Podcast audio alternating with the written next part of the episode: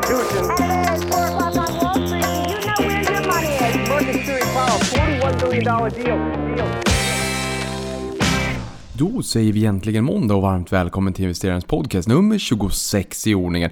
Nåväl, det är fortfarande måndag när jag spelar in det här men jag tror att många av er har lagt er men likväl tekniskt, jag har inte lagt mig riktigt än att sova inför tisdagen så det är fortfarande måndag i min värld i alla fall. Så den kommer lite sent om sidor. Det har varit en hektisk dag och jag har varit i Lund i helgen och hälsat på en kompis som jag lärde känna i Unga Aktiesparare för 10 år sedan, 2008 när det var en brinnande finanskris och blodet flöt på gatorna och eh, vi fann varandra helt enkelt. Så det var en trevlig helg eh, i börstecken. Man eh, träffar ganska många goda vänner, eller har möjlighet att göra det i alla fall, vänner för livet i förbundet Unga Aktiesparare.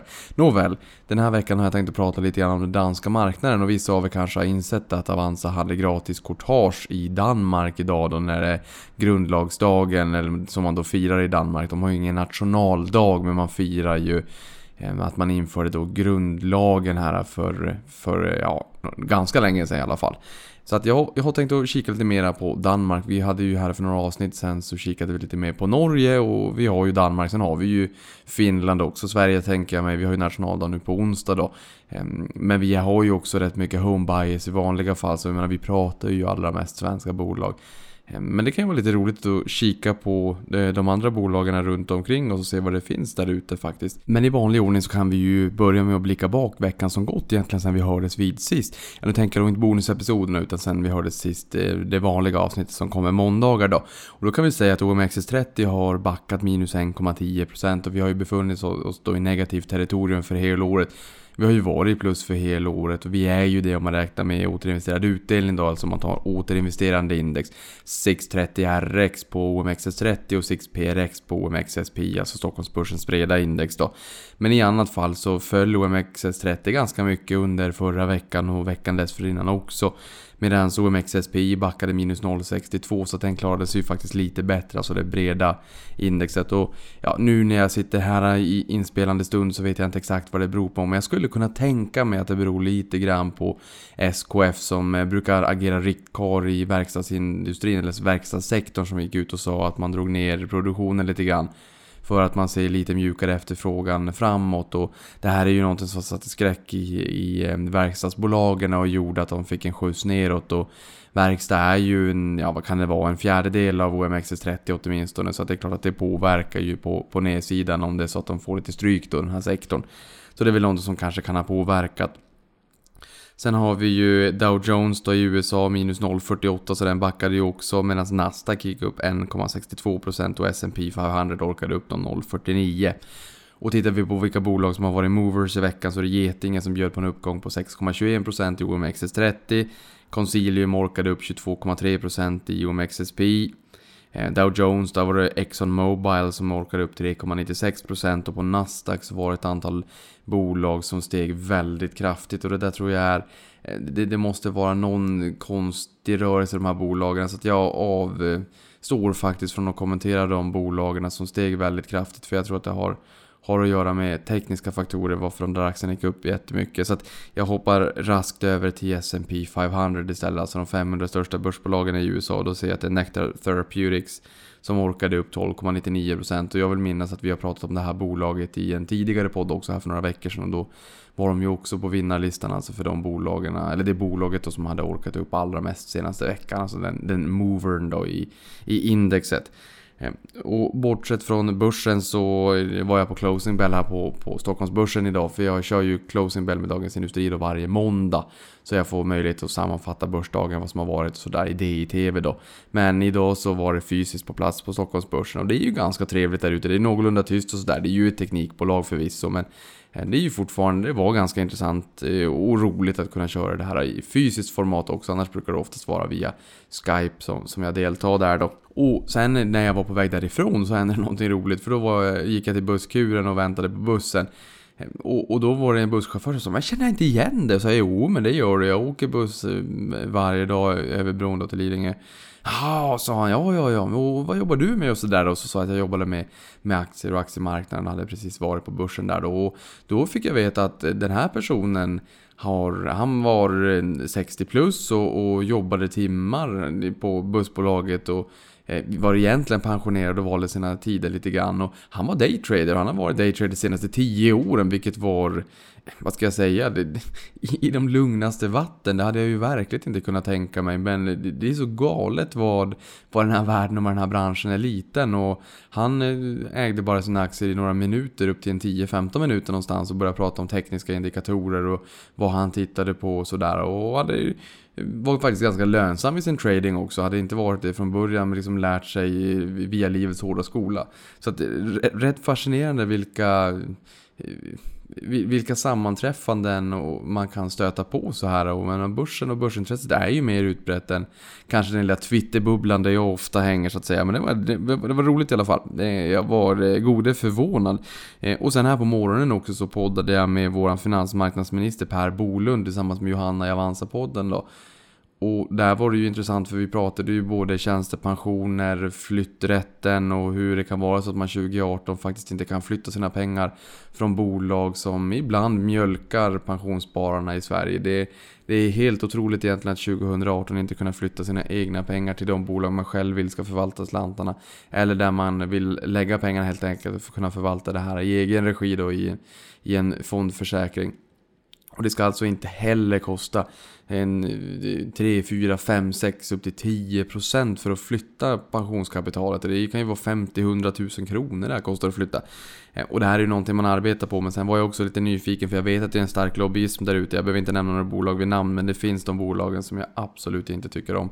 Därför att man i mångt och mycket har gjort det som en affärsmodell att faktiskt mjölka spararna. Ehm, ja, då, då frågar vi lite grann också såklart om den starka lobbyismen och hur man kan driva igenom den här typen av förändringar eh, när det inte riktigt är så, eh, vad ska vi säga, uppskattat och, och det är de bolagen som inte uppskattar förändringarna det är ju oftast de som har mest att förlora på det. De flesta bolagen är ju för fri flytträtt när man diskuterar det öppet men när det kommer till kritan så är det ganska få som faktiskt är det. Och sen diskuterade vi också höjningen av skatten på investeringssparkontot för det här inför valet 2014 så lovade ju alla partier att man skulle ju inte röra det där. Sen höjde man med 0,75 procentenheter eh, schablonintäkten då och sen så la man på ett påslag på ytterligare 0,25 och det var det här Ulla Andersson pratade om att det är två påsar ostbågar vilket är det mest idiotiska eh, uttalandet någonsin i mitt liv i alla fall i den politiska sfären när man försöker förklara sparande. För då har man ju ingen koll överhuvudtaget eller aldrig någonsin använt en miniräknare för, för att förstå ränta på ränta-effekten. Det finns ingen människa på den här planeten som sätter in pengar på ett schablonskattat konto och tror att de bara kommer stå där och inte arbeta. Självklart är det så att om eh, pengarna växer, vilket är hela syftet med att faktiskt investera dem, jag menar då kommer ju också en, en rörlig avgift, alltså en procentuell avgift att stiga i takt med att kapitalet på kontot stiger. Det här är ju någonting som jag har pratat om med tidigare, så det är ingenting jag kommer fortsätta diskutera i det här avsnittet. Men där fick vi ändå lite svar på den där frågan och vad Per tycker och det är ju inte hans parti som eh, bjöd på det där eh, otroligt korkade uttalandet utan det var ju Vänsterpartiet i det här fallet då. Ehm, men, och sen så diskuterade vi också, eller frågade hur det kan vara så i den politiska världen att man kommer med löften som man faktiskt sen inte håller. Ehm, men det var, det var en intressant podd med Per. Och han, för han eh, ligger ju i det här med hållbarhet varmt om hjärtat. Ehm, och både i hållbarhet inom sparande och, men även hållbarhet inom exempelvis premiepensionssystemet där man har drabbats lite grann av skandaler på senare tid. Ehm, så det är ju helt klart ett, ett lyssningsvärt avsnitt helt enkelt. Och det börjar bli lite intressant också för det är ju en upptrappning inför valet här i september. Så vi får väl se vad som händer lite grann. Ehm, det börjar eh, definitivt närma sig. Sen kan vi också säga att nästa vecka så eh, gästas jag av Johan Thorén på Strandkapitalförvaltning och eh, MP3 Fastigheter. Ehm, och sen så kommer jag även då släppa avsnittet med Karin Fris på Afrika-temat här i dagarna. Det har varit lite många inspelningar här eh, på senare tid. Så att, men den kommer så att säga vilken dag som helst.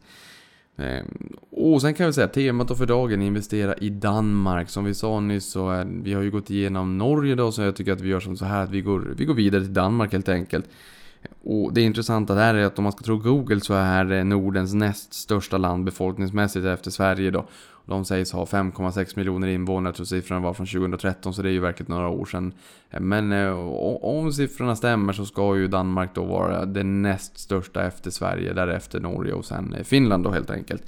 Ehm, och i Danmark så, om vi tittar på börsen, så det absolut största börsbolaget är Novo Nordisk. Som eh, är världsledande när det kommer till insulin för diabetes men även eh, hjälpmedel mot blödarsjuka. Ehm, och eh, vid sidan om det då så kan man väl säga att Danmark karaktäriseras lite grann av läkemedelsbolag, vindkraft, bryggerier, rederier och sen även ganska många banker också. Man har väl kanske inte riktigt samma vad ska vi säga, konsolidering i Sverige så har vi den, de fyra stora kvartetten. Det är ett gäng mindre i Danmark, förutom Danske Bank som är den största aktören. Men, men det finns även eh, ett gäng mindre banker i Danmark som är börsnoterade då. Men Novo Nordisk, det är intressant det här, de kom ju med en vinstvarning i, vad kan det ha varit, Q2 16 tror jag väl att det var. Vilket gjorde att de hade en rätt jobbig utveckling under lång tid. Har varit en bra affär för de som vågade köpa när det gjorde som ondast där innan den vände upp igen. Men de pressades ju ändå lite grann av presidentvalet 8-9 november 2016 när både Hillary Clinton och Donald Trump gick hårt åt läkemedelssektorn och sa att vi kommer att ehm, eh, eh, verkligen se över det här och, och, pressa priserna. Och det här har väl inte riktigt släppt när det kommer till läkemedelsbolagen och, och USA är ju traditionsenligt den största marknaden för de allra flesta läkemedelsbolagen. Så det här har ju varit jobbigt för dem helt enkelt, det kan man inte säga någonting om. Och Novo utgör närmare 25% av Köpenhamnsbörsen så det är ju en, en gigantisk koloss. Eh, och tittar vi på börsvärdet, nu ska vi också komma ihåg att det här är ju danska kronor. Men tittar vi i svenska kronor så är det runt 1000 miljarder och det är det största börsbolaget i, i Norden då helt enkelt. Och därefter tror jag att vi har Statoil, nu har ju de bytt, eh, bytt namn eh, här ganska nyligen. Men det, det, är helt enkelt en koloss det här Novo Nordisk då. Sen är det ju också så här att, eh, jag menar vi brukar ju prata om OMXS30, alltså de 30 mest omsatta aktierna på Stockholmsbörsen, nyss om, viktigt faktiskt. Ehm, och de 30 bolagen tillsammans utgör ju närmare 60% av börsvärdet på hela Stockholmsbörsen då 367 aktier tror jag att det är i dagsläget. Jag tror att ni kan det här i sömnen nu för nu har jag sagt det där så många gånger. I Danmark så heter det OMXC20 och det är de 20 största och mest omsatta aktierna på den danska börsen. Eh, men i takt med att börsen i Danmark har växt både mätt i börsvärde och mätt i antal bolag så har man faktiskt valt att utöka det här indexet till OMXC25. Det vill säga ytterligare fem bolag då för att ge en mer rättvis bild över hur den danska börsen ser ut och sektorer och ja, ge en bättre bild av dansk ekonomi och dansk börs. Så det har väl tillkommit eh, fem aktier, jag ska inte säga fem bolag för det är ju inte säkert. Det, finns ju A och B-aktier men jag tror också att det är faktiskt både 25 aktier och 25 bolag. Ehm, I Sverige exempelvis så har vi både Atlas A och B i, i OMXS30 så att det är ju inte 30 bolag men det är ju 30 aktier då. Ehm, och som sagt, Novo Nordisk har börsvärdet kring just 1000 miljarder kronor och är ju Nordens största börsbolag. Och ehm, ska man dra någon form av Freakonomics koppling så kan man väl säga att börsbolaget, eller börsvärdet snarare, utgör 40% av Apples kassa i januari. Ehm, ja, det är en långsökt koppling men jag gillar att sätta saker och ting i relation så att jag bjuder på den helt enkelt. Ehm, och kikar vi då på danska börsen och de tio största bolagen där så kan vi säga att de utgör tillsammans 89% av värdet på hela OMXC20 då. Det gamla index, det är faktiskt fortfarande det indexet som man benämner när man exempelvis läser sista sidan i Dagens Industri över de nordiska börserna. Men ehm, effektivt så ska det vara så att det är OMXC25 nu som gäller då istället. Men tar vi och tittar på de här bolagen då så att de tio största är på första plats som vi har varit in på är ju Novo Nordisk då. Sen har vi Nordea, känner vi till även från Sverige, är ju även listat i Finland. Eh, flyttar sitt legala säte till Finland. Sen har vi AP Möller Maersk. Det är ju logistik och transportlösningar får man väl säga. Och sen har vi ju Danske Bank då, Danmarks största bank. Eh, Ørsted som är eh, Dong Energy som kom in på danska börsen 2016 vilket var en, eh, en enormt stor börsintroduktion när det begav sig. Sen har vi Colorplast B, Carlsberg, probably the best beer in the world. Betyder faktiskt förmodligen den godaste ölen i världen. Alltså inte den bästa, det här beror ju så här, eh, good, better, best. Eh, så att det, ja, om ni vill ha någon form av kuriosa. Man kan ju tro att det, att det just betyder den bästa ölen, men det betyder alltså den godaste ölen. Ehm, helt enkelt. Sen har vi DSV. De lastbilarna ser man ju lite här och var, eh, lite överallt egentligen. Jag har ju själv legat på vägarna och betat av 120 mil i, i helgen så att jag har sett ett antal DSV-lastbilar då. Eh, och sen har vi Novozymes och sist men inte minst Lundbäck. Och om vi bara ska snabbt gå igenom de här bolagen. Alltså, Novo Nordisk är ju läkemedelsbolag då som är världsledande inom diabetes men även verksamma då inom bland annat hemofili som är just blödarsjuka som jag var in på där då. Ehm, Nordea känner de flesta igen. De har ju tidigare huserat som PK-banken och Nordbanken och valde ju här, precis som jag sa nyss då, nyligen att lämna Sverige för sitt legala säte till förmån för Finland. Ehm, men aktien handlas i Sverige, Finland och Danmark. Och det här valde man ju, det var ju ett litet chicken race med Magdalena Andersson, vår finansminister och sen så ehm, är det den här ökade resolutionsskatten då för bankerna som ska borga för den stabiliteten om det, om det händer någonting i banksystemet så ska det finnas en liten buffert där som bankerna har varit med och, och finansierat men ehm, det där var man ju kanske inte så pigg på från eh, Nordeas håll att stötta upp då för att det missgynnade dem kanske lite oproportionerligt vad de tyckte då i alla fall. Eh, så att de lämnar ju oss helt enkelt. Eh, och sen har vi ju AP Möller Maersk, eller bara förkortningen Maersk helt enkelt, som är ett konglomerat med inom främst rederi, transportlösningar och logistik. Danske Bank, eh, som jag sa nyss, landets största bank, även om Danmark har väldigt många mindre banker som är listade på börsen också. Eh, och sen har vi Ørsted då, börsnoterat 2016 och det var ju Dong Energy. Eh, och det största energibolaget i Danmark och var ju även den största börsnoteringen i landet under det året så att säga. Så att det är ju är ett stort bolag och det var en stor notering helt enkelt. Sen har vi Coloplast som arbetar med en team sjukvård såsom stomiprodukter och urin och tarmprodukter. Carlsberg, en bryggerikoncern med anor från 1670-talet. Även om dagens bolagsstruktur föddes så sent som 2001. Så den är ganska färsk. Och ibland kan det ju vara så att man kanske köper ett bolag exempelvis som då har historia sedan långt tillbaka. Och så säger man att ja, men det är där vi har anor från det och det. Eh, men dagens Carlsberg är faktiskt inte äldre då än 2001. Eh, och sen har vi DSV och de här lastbilarna som jag pratade om på vägarna. Eh, och det är en global leverantör av transportlösningar och logistiktjänster både vägbundet, via flyg och vatten. Och det var ju den, den vägbundna delen som jag kikade på och såg här eh, under helgen efter, efter vägarna när jag körde bil där. Och sen har vi Novozymes som är världsledande bioteknikbolag. Och en stor producent av enzymer och sist men inte minst så har vi då Lundbäck och det är ett läkemedelsföretag verksamma inom psykiatriska och neurologiska sjukdomar. Så där har vi de 10 största börsbolagen i Danmark som också då utgör 89% av den danska börsen helt enkelt. Så det här är ju ganska tunga pjäser. Eh, och tyngst av dem alla är ju som sagt då Novo Nordisk helt enkelt. Och det intressanta också det är ju att den danska kronan har ju stärkts både i år och även då senaste året. Eh, och tittar man på börsutvecklingen för hela index så, så hänger faktiskt inte Sverige med. Vi är inte ens med i matchen när det gäller prestationen de senaste fem åren. Eh, för tittar vi på de då 20 mest omsatta aktierna i OMXC20 så har de sjunkit 4,87% sedan årsskiftet. Så det är ju en, en negativ eh, utveckling. Och har stigit 79% de senaste fem åren. Ehm, men OMXS30 har sjunkit mer i år om man då inte räknar med utdelningen. Eh, och det här ska också sägas, det här är några dagar sedan jag kikade upp det här, eh, just den här utvecklingen så att vi har fått en viss återhämtning. Eh, men tittar man då de senaste fem åren så är vi uppskrala 6,95% och det här är alltså mätt i danska kronor. Om ni funderar kring så här, ja men de där siffrorna känner ju inte jag riktigt igen. Nej men det är ombaserat mot danska kronor för att få en, en rättvis jämförelse. Så att danska börsen är upp 79%, vi är upp 6,95% när man tittar på fem år. Så vi, det, det, är ganska fair att säga vi har, att vi då inte riktigt har hängt med överhuvudtaget. Ehm, och ja, det, det, är så det är helt enkelt. Ehm, och kikar vi på Avanza på de favoritaktierna som eh, våra kunder har i Danmark så ser vi på första plats Novo Nordisk. Eh, både liksom största börsbolaget i Danmark och även eh, småspararfavoriten också då. Och sen har vi Vestas Wind Systems som verksamma då inom vindkraft på andra plats. Pandora på tredje plats som man kanske skulle kunna säga är Ehm, smyckesvärldens H&M egentligen.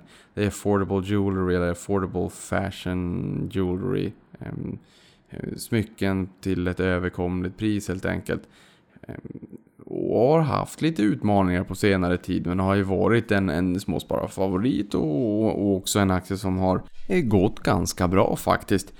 Eh, och sen har vi G4S säkerhetsbolaget och vi har ju Securitas i Sverige och vi har G4S i Danmark. Och sist men inte minst på femte plats då topp 5 så har vi ju Danske Bank då Danmarks största bank. Eh, men förutom de här då, förutom de tio största börsbolagen i Danmark, förutom avancianernas favoriter, så precis som i Norgepodden så tänkte jag att kika upp lite bolag som jag tycker flyger under radarn. Och när jag säger flyger under radarn, ja, det betyder ju inte att det är så att det är ett eh, delikat köpläge just nu eller att det är en attraktiv värdering. För att det kommer jag liksom inte säga i den här podden att köp det här och sälj det där. Det får jag inte göra av, eh, de reglerna som vi har i marknaden. Eh, men det är snarare bolag som jag tycker att ja, man kanske känner igen dem eller så är det en spännande nisch. Ehm, men de dyker inte upp på de stora jumboplatserna i indexet. Men man kan gott och väl, om man nu vill ha lite tid och energi över, läsa på lite grann kring bolagen. Och det första där är Nilfisk som jag tror att det är rätt många känner igen. Det är ju tillverkare av städutrustning då. Jag tror att om du bara bildgooglar på det här, om du inte, om du liksom inte trillar ner någon palett på en gång så kommer du nog känna igen de här, det här varumärket och Nilfisk. Och sen har vi ju ISS som är en av Nordens största tjänsteföretag såsom städ och kontorstjänster, lokalvård, man kan ha kiosker i, i större företag och sådär. Ehm, och sen har vi Royal Unibrew som är Danmarks näst största bryggeri med brands såsom Lappinkulta och Royal Beer. Och sen har de även Original Long Drink, de här ljusblå eh, long drink burkarna, 33 centiliters burkarna och kanske 50 centiliters också i och för sig. Det är Royal Unibrew. Jag kan tänka mig att det största bryggeriet, allt annat lika, eh, eh, vågar jag nästan sätta lilltån på att det bör ju vara Carlsberg. Och sen har vi SimCorp som jobbar med integrerade system för kapitalförvaltning och backoffice med mera. Och det här är ju system som underlättar just backoffice-avdelningarna för att det är många människor som jobbar inom backoffice bland bankerna och fondbolagen. Eller fondbolagen kan ju ibland outsourca det här men då är det ändå i slutändan någon som ska göra det här med eh, clearing och settlement och reconciliation och allt vad det kan tänkas vara. Alltså att man man behöver eh, funktioner som ser till att alla affärer som fondförvaltarna gör görs rätt, läggs in rätt i systemen och att man har lagt in rätta värden, alltså hur många aktier man vill köpa eller sälja, till vilket pris, vilken volym, när den här avvecklingen ska ske och sådär. Normalt är T2 då eh, i Sverige, nu även i USA, alltså trade date plus två dagar. Så att när du trycker på köp en aktie då, så om du trycker på köp på måndagen så byter ju aktie och pengar eh, händer på onsdagen då. Så det tar ju eh, trade date plus två, alltså totalt tre dagar att avveckla en värdepappersaffär. Och det här kan bli lite fel och det kan bli mismatch och den ena parten har lagt in fel uppgifter och sådär. Eh, Simcorp är ju ett system som underlättar den här typen av, eh, av hantering helt enkelt och gör nog förmodligen att man effektiviserar upp backoffice-avdelningarna lite grann också de har gått bra på den danska börsen och sen på senare år så att säga. Så att det där kan ju vara ett bolag som kan vara lite kul att läsa på på kvällskvisten om man har en liten stund över.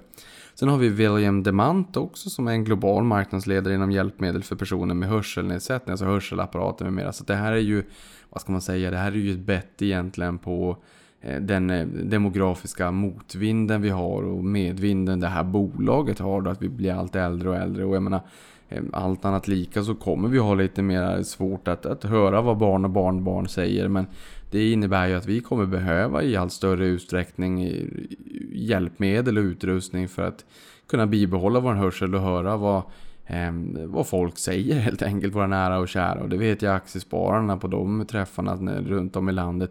Då är det ju inte sällan så att det är någon eh, dam eller herre som, eh, som har lite svårt att höra. Det brukar vara sådana ljudslingor också.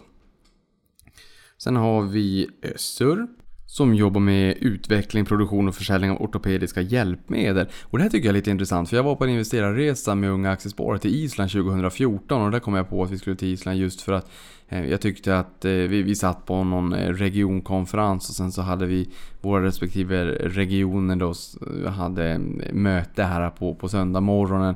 Det är oftast de här brukar vara över en helg då. Och, och sen så funderade vi lite grann kring om vi inte skulle göra en resa och då sa jag ja! Jag vill åka till Island. Island säger folk. Island? Jo, men jag tycker att det hade varit lite spännande just för att eh, det är ju i fotspåren i kölvattnet av finanskrisen för att det small ganska ordentligt på Island. Banksektorn var 12 gånger BNP. Jag tror att den ligger på runt 4 i Sverige och vi tycker att den är ganska jobbig och stor liksom, så att säga. Och att det finns eh, risker för den finansiella stabiliteten i Sverige och sådär. Och eh, det är ju också en, en anledning till resolutionsavgiften och kanske också till varför Nordea faktiskt valde att lämna Sverige. Men i, på Island så var det alltså 12 gånger BNP och det small ju ganska ordentligt där.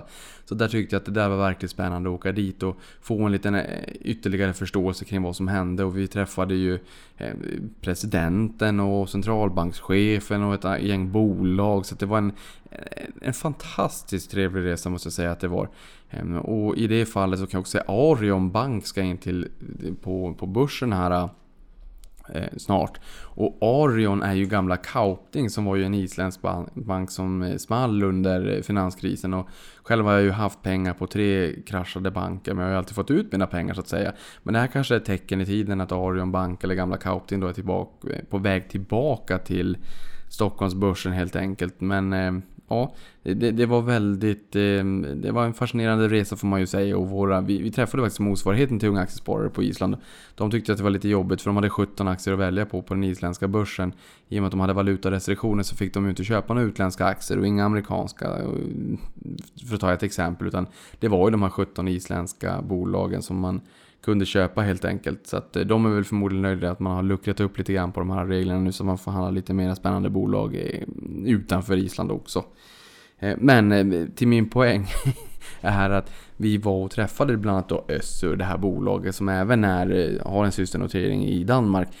Och där gick vi in i en stor anläggning och såg människor som av ändra anledningar har ehm, fått eh, amputera eller blivit av med kroppsdelar. Och eh, där Öster då utvecklar eh, proteser helt enkelt som nästan till kändes faktiskt mer avancerade än the real deal. Nu är det ju inte självfallet så så att säga men de hade kommit väldigt långt med högteknologiska proteser. Eh, och då såg vi också personer springa på löpband med proteser på där det var stora monitorer som eh, mätte eh, både liksom fottrycket och när det landade och jag menar det, det ena och det femte så att säga. Och det här bolaget har jag följt lite grann sen dess för jag tyckte att det var lite spännande. Jag äger inte aktien själv då men, men den finns också noterad i Danmark då. Sen har vi Köpenhamns lufthavne eh, och det är ju flygplatsen i Köpenhamn som till 39,2% ägs av danska börsen. Men man kan alltså bli ägare av eh, Danmarks flygplats också för den finns på börsen. Sen har vi Bang Olufsen, eller Bang Olufsen om man så vill. Och de är tillverkare av exklusiv hemelektronik. De finns ju också på danska börsen. Och sen har vi sist men inte minst då Tivoli. Och det här är ju deras nöjespark då, som kanske motsvaras av Gröna Lund eller Liseberg i Sverige. Eh, så att, eh, ja, och, och, vi har ju Six Flags Magic Mountain i USA också om man vill ha den här typen av nöjesparker. Men nu var det inte USA vi skulle prata om. Så att nu reser vi raskt tillbaka till Danmark igen. Och då kan vi ju säga att de, om vi tittar på de tre bolagen då som har haft allra bäst utveckling här av senare åren. Om vi, eller om vi gör så här, vi börjar med det bolaget som har haft bäst utveckling senaste året. Och det är Ørsted då, eller Dong Energy som kom in på börsen 2016 som då också, om du kommer ihåg när jag sa det, var den största börsintroduktionen det året. Den har stigit 36% senaste året. Sen har vi Lundbeck som är en av de här 10 största aktierna på den danska börsen. Den är upp 245% på tre år. Och sen har vi Vestas Wind Systems, de här vindsnurrorna. Eh, som är upp 470% på fem år. Så det är ju verkligen en fenomenal avkastning. Ehm, så att är det så att man då gillar ja, alltså hållbara investeringar eller förnybar energi. Ja, då ska man ju i sådana fall kika lite mera på Vestas alltså och läsa på. Men som alltid investeringar är inte riskfritt. Jag menar, det gick som tåget i Kina för att man hade subventioner på den här typen av Ehm, produkter, de här vindsnurrorna. Och oftast så är det ju så att när någonting är nytt att det finns subventioner och ibland kanske inte marknaden är riktigt eh, mogen att stå på egna ben om det är så att man drar bort subventioner. Nu säger jag inte jag att det är så i det här fallet.